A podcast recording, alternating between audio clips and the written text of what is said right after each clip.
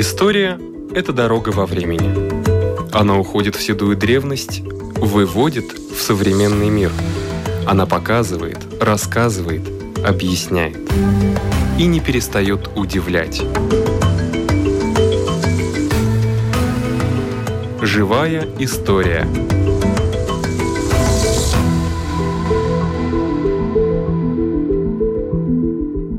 У микрофона Лидия Чера.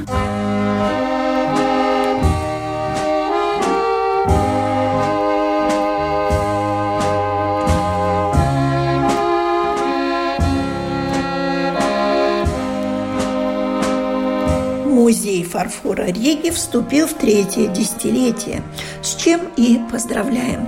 Думаю, история Риги будет неполной, если не рассказать историю фарфоровых производств, от которых, к сожалению, не осталось и следа. Хотя нет, след есть. Вот и пойдем по следам.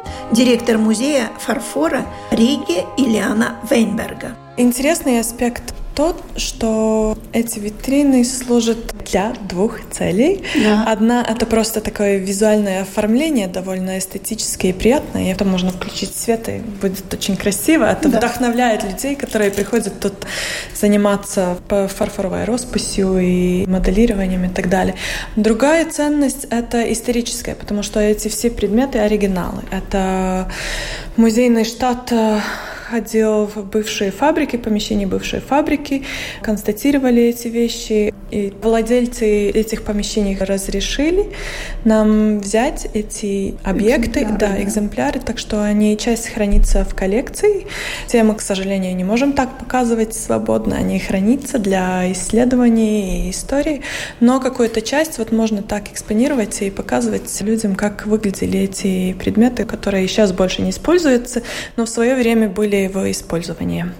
Можно сказать, что музей является наследником двух фабрик – Кузнецовской и Есенской – Наследники фабрик конкретно нет, но коллекции производства да, потому что Рижский музей фарфора создан на базе коллекции музея Рейгс Порцелан Фабрикс музей. Да, на Рижском фарфоровом заводе Рижский был музей, и вы как бы переняли. Да, да, да, в Рижском фарфоровом заводе был свой музей с 1973 года, создан в тот год. Ну, конечно, юридически немножко раньше все процессы начались, но в 1973 году было оформлено оформлена первая вещь в инвентар-грамотах, книгах и инвентаре.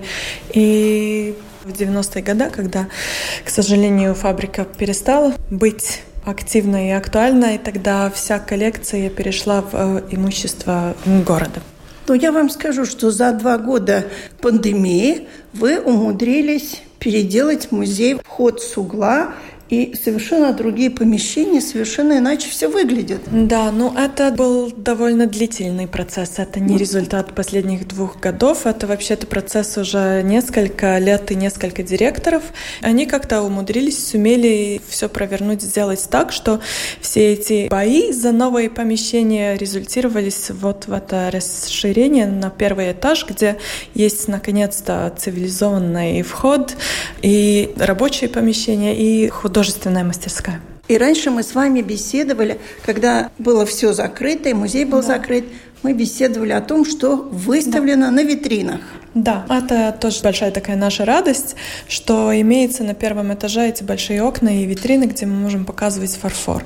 К сожалению, мы не можем показывать э, коллекции, потому что надо защищать. Есть специфические правила, как выставлять коллекции музея, но в то же самое время художественные работы художников, которые их собственность, мы можем довольно свободно выставлять и с радостью делаем выставки. Технически происходит так, что художник или художники, которые выставляют выставляется в выставочном зале, в подвале. Часть работ показывает тоже в витринах. Но это не всегда так. Мы пытаемся быть довольно разнообразны, чтобы и наверху, и внизу иногда отличается и взаимодействует, или наоборот показывает какие-то противоположные вещи.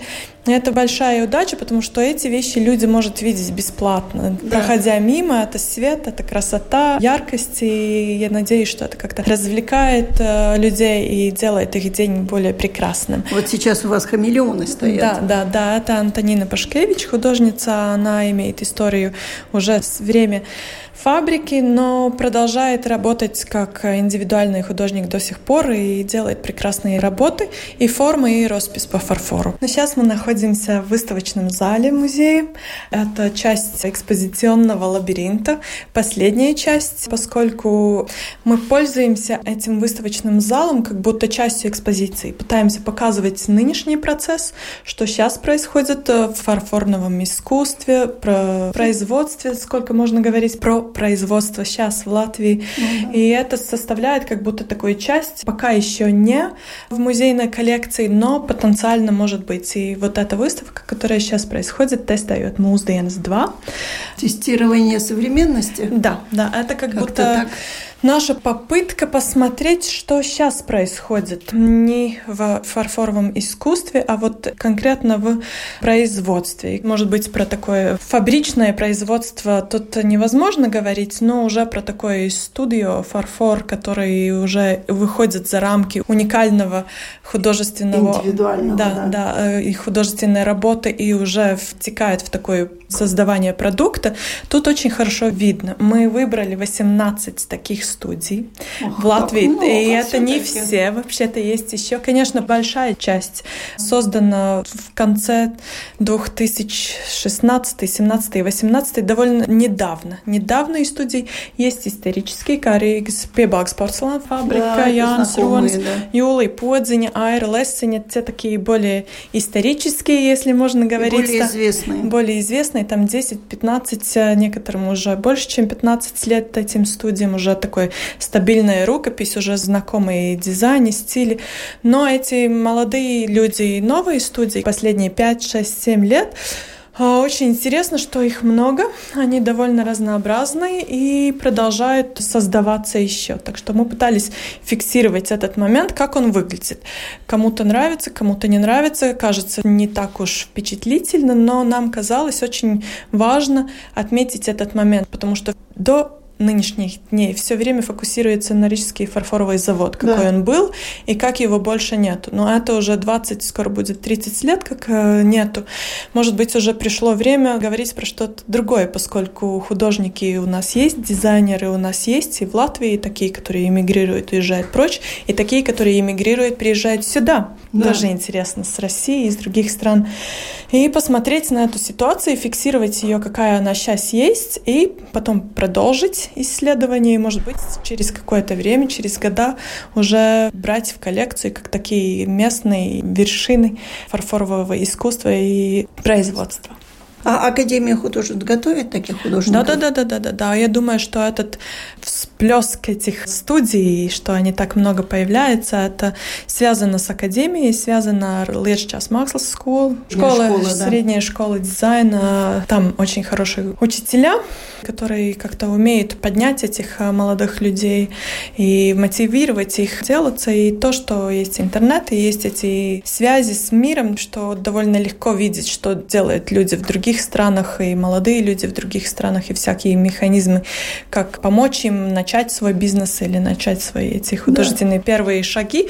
Это все используется, и молодые люди довольно, довольно дрожи Смело. Смелые, смелые, да, смело делают вещи. Ну, конечно, те, которые уже постарше смотрят и, и знают, что мы уже это все проходили, но все равно для каждого поколения это что-то новое, что-то интересное, и мы очень радуемся, что есть это поколение уже.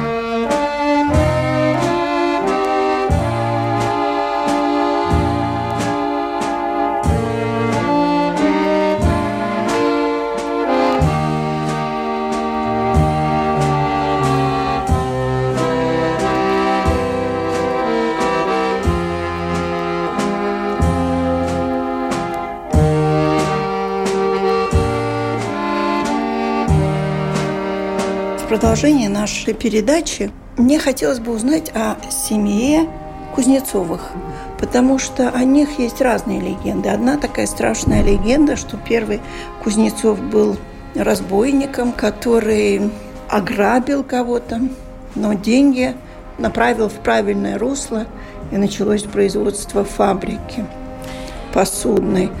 Майя Никитина, развенчайте миф.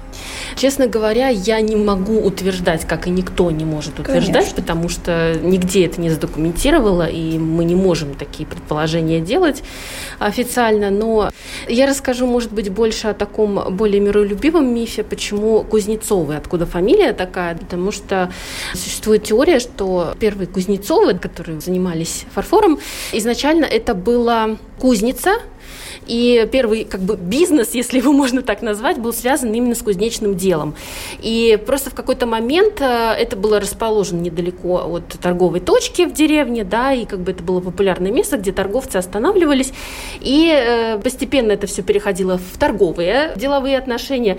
И после уже заметив, что скупка керамики и перепродажа – это довольно прибыльное дело, соответственно, эта область, Гжельская область, очень была благоприятна для развития развития такого дела фарфорового и керамического. То есть, соответственно, Яков Кузнецов основал вот такое дело небольшое. Дальше перенял его сын Терентий. Династия разрасталась до момента, когда Матвей Сидорович Кузнецов в возрасте 18 лет, едва женившись, взял под свое руководство две фабрики от отца и очень успешно повел бизнес. К 1911 году у Матвея Сидоровича уже было 8 фабрик. Но мы сейчас говорим о России. Вообще, в принципе, мы говорим о Российской империи, потому что так же, как и Рига да. была в составе, и, соответственно, первые две фабрики, которые перенял Матвей, это была Дулевская фабрика и, соответственно, фабрика в Риге. Только-только-только она появилась. Первые 10 лет они производили только фаянс, потому что это было, во-первых, дешевле, во-вторых, надо было еще подготовить сырье. Фарфоровое производство достаточно сложное и тяжелое требует определенных затрат, и дальше уже, конечно, все пошло достаточно успешно.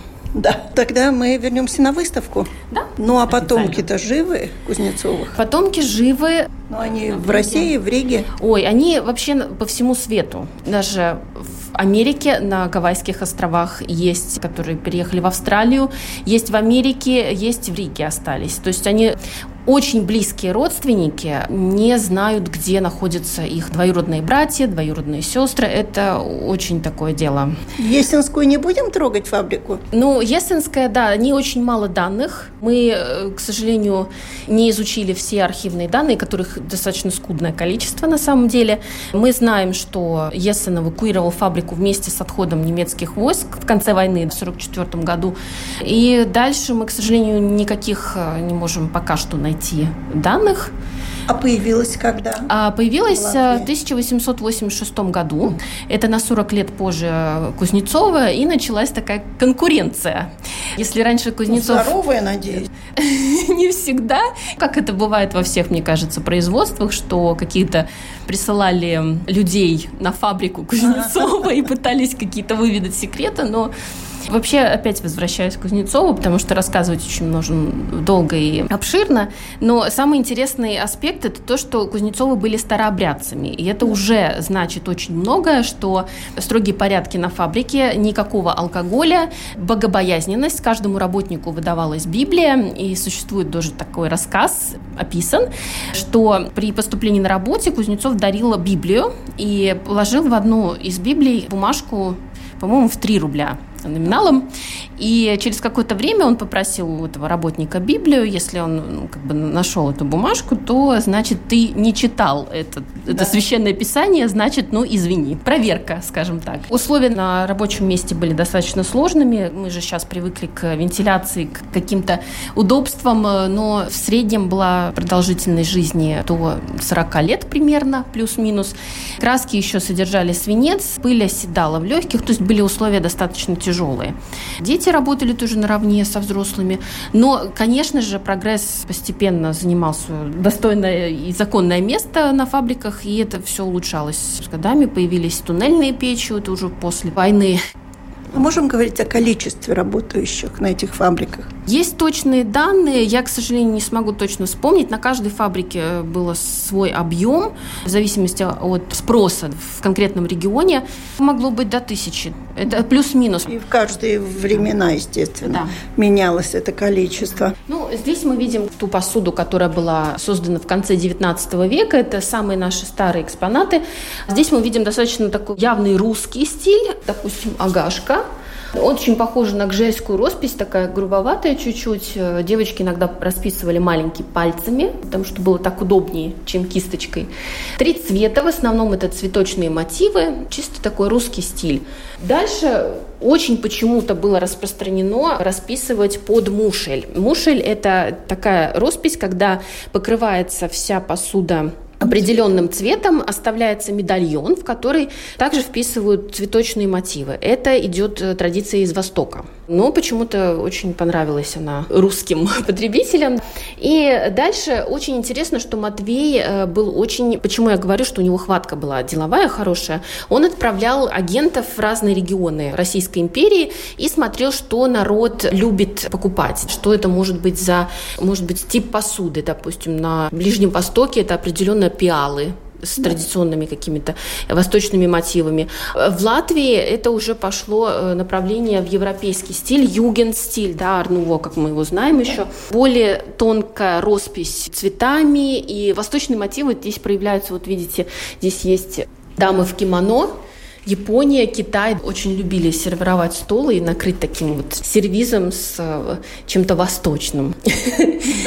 Были заказы особые с э, ручной работы. Здесь мы видим кукольный сервиз из фарфора, тонкостенный, покрытый золотом, что совершенно невероятно, чтобы мы могли сейчас дать ребенку играться с этим. Да? Но были как и фарфоровые куклы, так и вот такие кукольные фарфоровые сервизы. Что характерно, что кузнецовскую продукцию могли приобрести как и простые жители. За 50 копеек можно было купить вот такой красивый кувшинчик, похожий на матрешки, только из фарфора. Были, были. Да, У меня да. в доме даже такой был. Такие девочки с ромашками. Наверное, в каждом доме такие были. Да, они Тот, были... Кто здесь жил очень доступными, да, дешевыми, но были и такие дорогие сервизы. То есть э, Кузнецов был универсальным. Ну, как и сейчас, да. в общем Ну, в отличие от Ессена, который более такая у него была презентабельная, если так можно выразиться, посуда, да, он больше ориентировался на европейский стиль, и он не доверял местным э, материалам, ингредиентам, он все привозил из Германии. Все специалисты, вся техника, сырье, все было практически привезено из Германии. Германии. Его посуда, тоже нельзя так говорить, конечно, но все равно вроде как считалась выше уровнем. Дальше мы видим также, что появились художники, которые уже с образованием из Латвийской академии художеств, был кружок Балтерс, и уже пошло во времена Первой независимости тенденция расписывать национальными мотивами. Мы видим девушек и парней в народных костюмах, фигурки э, по мотивам разных эпосов, мифов. 30-е годы, наверное. Да, 40-е годы. И также появляется для масс, вот э, видим, горячие колбаски. Есть еще с огурцами и с селедкой. Бакалейные такие наборы, доступные в магазинах. Да. да. И ценники даже тоже были из фарфора да. сделаны. И кувшин у меня был. Два лебедя были. Такой да. же кувшин. Там почему-то бабушка хранила яйца раньше. Также появились корпоративные заказы. Мы видим разные логотипы на посуде. Уже массово заказывали для различных санаториев, гостиниц и кафе, может быть, ресторанов. Уже именные такие вещи избалована Латвия была хорошей посудой. Да. Две фабрики все-таки в Риге. Да. Это же богатство. Да, в принципе, две фабрики, но было еще несколько маленьких. К сожалению, ну, да. их, конечно, поглотили быстро. Это была фабрика Якша и Рачкина. Британия, да? Э, там парочка есть работ. К сожалению, у нас небольшая коллекция. Вот, допустим, завод э, Михаила Рачкина в Риге. Ой, тут какая изящная посудка. Да. Тоже да. вроде как детская. Да, тут тоже такой интересный перенос изображения на тарелку. То есть это уже да. такая утерянная технология, но да. Но это ручная работа, нет? Да, в основном все делали вручную, даже наклеивали вот эти вот все деколи, это все ручная, да, работа. Редкие образцы керамики, потому что Кузнецов первые 10 лет специализировался на фаянсе, но потом полностью перешел на фарфор. И как бы это уже редкое сотрудничество с художниками, которые хотели попробовать сделать что-то в керамике. Но это тоже народные такие мотивы. Да, да, это все, конечно, да, национальная тема, очень достойные работы. Так что в этом да. зале до 40-го года, я так понимаю, да? Да, это то, что было до войны, э, чуть-чуть Это после. тот зал, который был когда-то, да? в этом музее. Это не заново сделано. Нет, это весь подвальный этаж, это все, что у нас было. было. Но немножко мы стараемся менять экспозицию, чтобы показать все, что есть в нашем фонде. У угу. нас место ограничено, мы поэтому стараемся что-то поменять. Так, здесь мы находимся в зале, в котором представлены э, работы, которые можно было купить, приобрести в магазинах. Да. Это уже с 50-х по 80-е годы. Ну, извините, уважаемые радиослушатели, в музее вентиляция должна работать. Так что, если есть какой фон, то уж простите.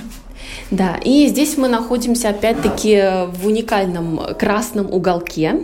Здесь представлены дипломные работы и работы, которые были заказы, особые заказы для высокопоставленных лиц старались. в советское время. Да. Особенно хочу обратить внимание на вазу посвящения Сталину.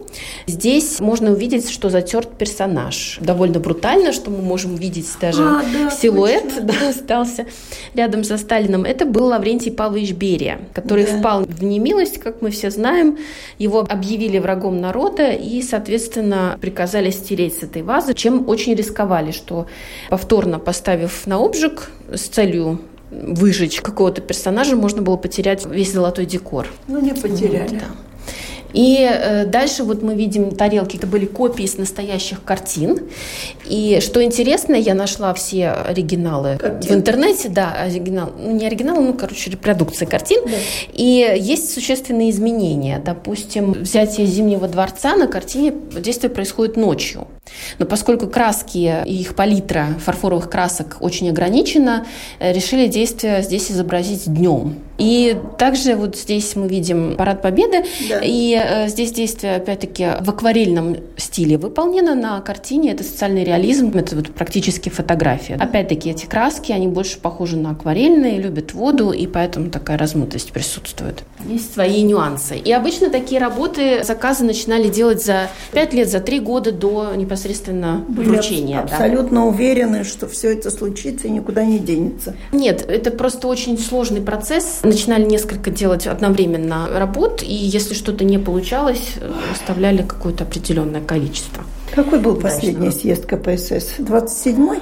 Или 25-й? Ну, где-то близко к концу уже. 25-й съезд КПСС – это уже близко к концу стагнации. Да, да, может быть. Здесь есть ваза, не конкретно это, но есть вторая версия в кобальте, выполненная темно-синий такой цвет красивый. Ваза была думана для вручения Брежневу. Здесь мы видим второй экземпляр, более такой нарядный. А тут вручили? Опять-таки трудно сказать, но есть правило, что обязательно одну копию должны оставить в музее, поэтому мы видим здесь mm-hmm. вот эти все дубликаты. Мы взяли их в наследство от э, музея, который находился при Рижском фарфоровом заводе. Это mm-hmm. очень хорошая практика, потому что сейчас у нас есть возможность это все наблюдать. И еще одна уникальная ваза, это ваза в 73 году, ну, посвящение празднику песни и танца. Это Зина Улста. И эта ваза практически 30 лет э, находилась в разобранном виде, из трех частей она состоит. Просто ее художница хранила в квартире, себя, да? да, у себя. И только в 2000 году Рижская дума финансировала проект, что можно ее соединить. Таким серебряным декором был приглашен специалист, который это все помог сделать. И мы теперь можем гордиться вот этим уникальным произведением искусства, выполненной кобальтовыми солями, что очень сложно, потому что только после обжига проявляется вот этот оттенок. Когда вы угу. наносите, он практически бесцветный. Угу. И если что-то пошло не так, вы что-то закрасили, то это проявится только после обжига. То есть это очень виртуозная работа. Очень гармонично вот это вот серебро, серебряная отделка вошла в эту вазу. Кажется, так всегда было. Возвращаясь в зал, где массовая продукция была, мы видим, что ручную работу полностью вытеснили деколи. Это специальные переводные картинки, может быть, кто-то помнит. Помним. Да, и до сих пор еще татуировки для детей. Размачивается в воде, приклеивается, только тут отличие, что тут есть фарфоровые краски. Обжигается, это все помогало оптимизировать производство, это все быстрее происходило и, соответственно, позволяло варьировать какие-то вещи. И вот художественные работы, которые, опять-таки, нельзя было встретить э, в магазине, как мы это видели в красном уголке, но тут уже эксперименты самих художников, их творчество, особые техники, которые трудно было описать, да. ну как бы это эксперименты в том числе.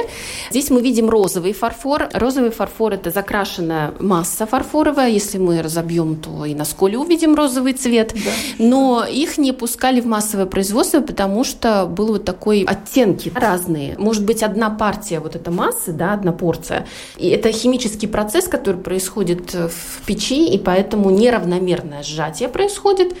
И равномерный цвет, Да, да, разный цвет в одной партии. Это считалось браком и не опускалось в продажу.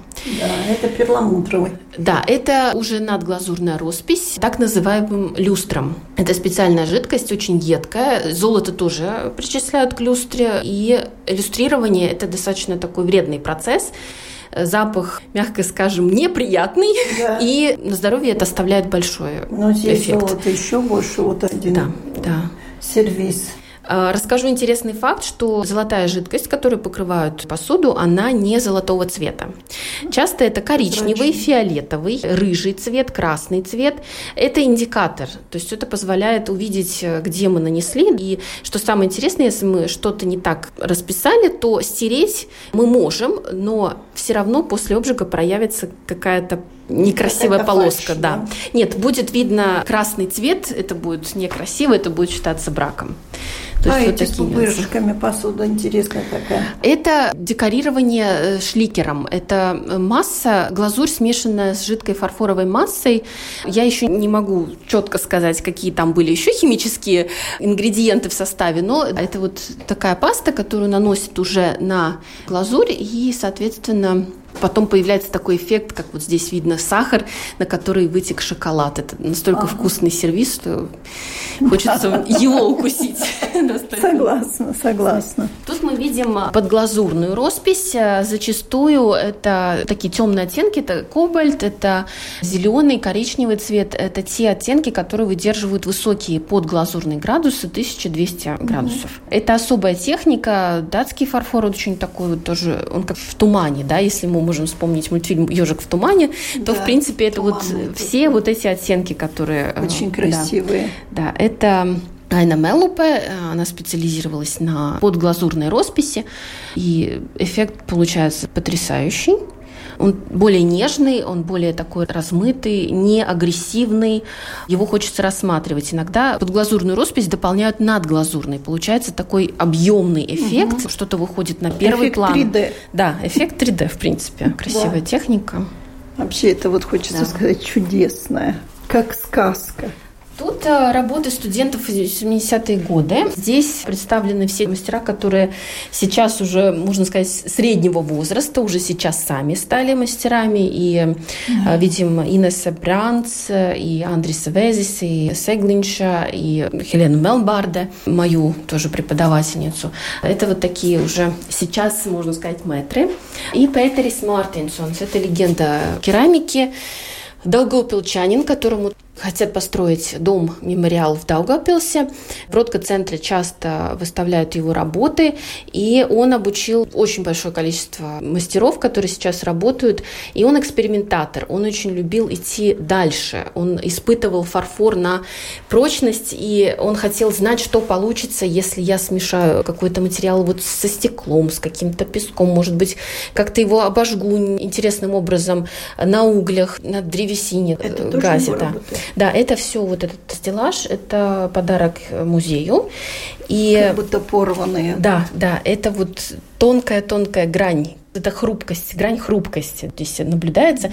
Иногда он позволял печке самой делать искусство и смотреть, что получится. Иногда что-то слеплялось вместе, что-то даже взрывалось. Вот здесь он, допустим, склеивал кусочки глазурью, и вот эти все изгибы это уже печка создавала. Ага. Печка как художник. Здесь у нас Илона Ромова, это ученица Петриса Мартинсонса, это Субъективно моя любимая автор. Я обожаю ее работы. Она очень скрупулезная. Она перфекционист в своих работах, но достаточно такой вызывающий. Очень mm-hmm. любит такую сюрреалистическую тематику, но эти работы настолько вкусные, опять-таки по-своему, и необычный. Вот этот чайник, который выглядит как какое-то облачко, но вместе с тем какое-то животное, аморфное такое создание. И здесь мы видим а, выставку «Тестируя современность». Это авторы, которые работают сейчас, молодые авторы, которые очень полюбили фарфор.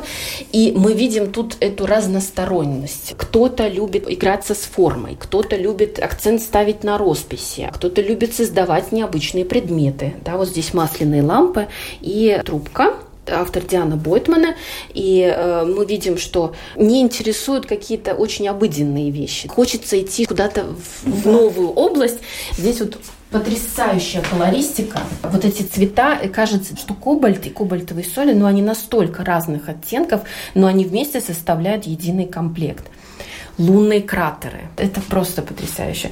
И, э, соответственно, тема актуальная. Вот мы видим хороший сервис, в котором написано «Эти товары сейчас запрещено продавать законом». Ну, то есть это как бы мы их видим, они вроде бы доступны, но из-за ковида вроде как и нет. Потому что такая тематика с красной лентой. Вецбебалгас Porcelans – это Янис Ронис, это его фабрика. Скорее всего, вы о ней обязательно слышали практически во всем старом городе. Да, можно увидеть в витринах его продукцию. Первый директор нашего музея, один из основателей, и он в 2006 году решил основать свою фабрику и до сих пор успешно работает. Классический его знакомый стиль – это вязаные мятые кружки. С какого года вообще музей фарфора существует в Риге? Основан он в 2000 году, а официально открыт для посетителей посетителей в 2001, так что у нас юбилей уже 20-летний был. Только и что. да, совсем недавно, и мы очень рады, что мы здесь находимся, что мы можем показать нашим э, зрителям, что хранится и чем мы богаты, и что фарфор до сих пор производится, что производство не умерло. Спасибо. Обо всем этом нам рассказала Майя Никитина. На этом наша передача заканчивается. Всего вам доброго.